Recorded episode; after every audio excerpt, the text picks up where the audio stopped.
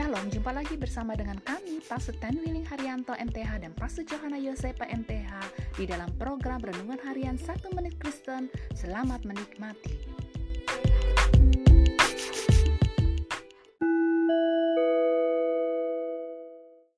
Shalom saudara yang berharga di mata Tuhan, senang dapat jumpa dengan saudara. Hari ini firman Allah menasehati kita bahwa ada yang melihat dan memperhatikan hidup kita. Musa mencoba untuk meyakinkan dirinya tidak ada seorang pun yang melihatnya sebelum dia membunuh orang Mesir. Tetapi ternyata seseorang melihat apa yang dilakukan Musa dan akibatnya Musa harus lari dari Mesir. Seringkali kita berpikir bahwa kita dapat menyembunyikan diri dari melakukan yang salah kalau tidak ada orang yang melihat kesalahan yang kita lakukan.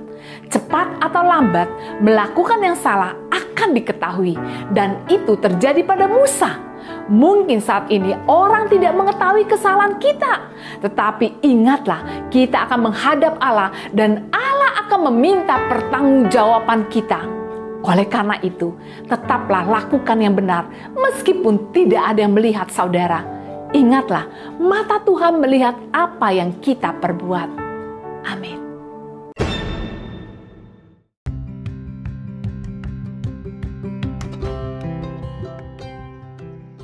Kasih saudara telah mengikuti podcast Renungan Harian 1 Menit Kristen. Sampai jumpa pada episode berikutnya. Tuhan Yesus memberkati.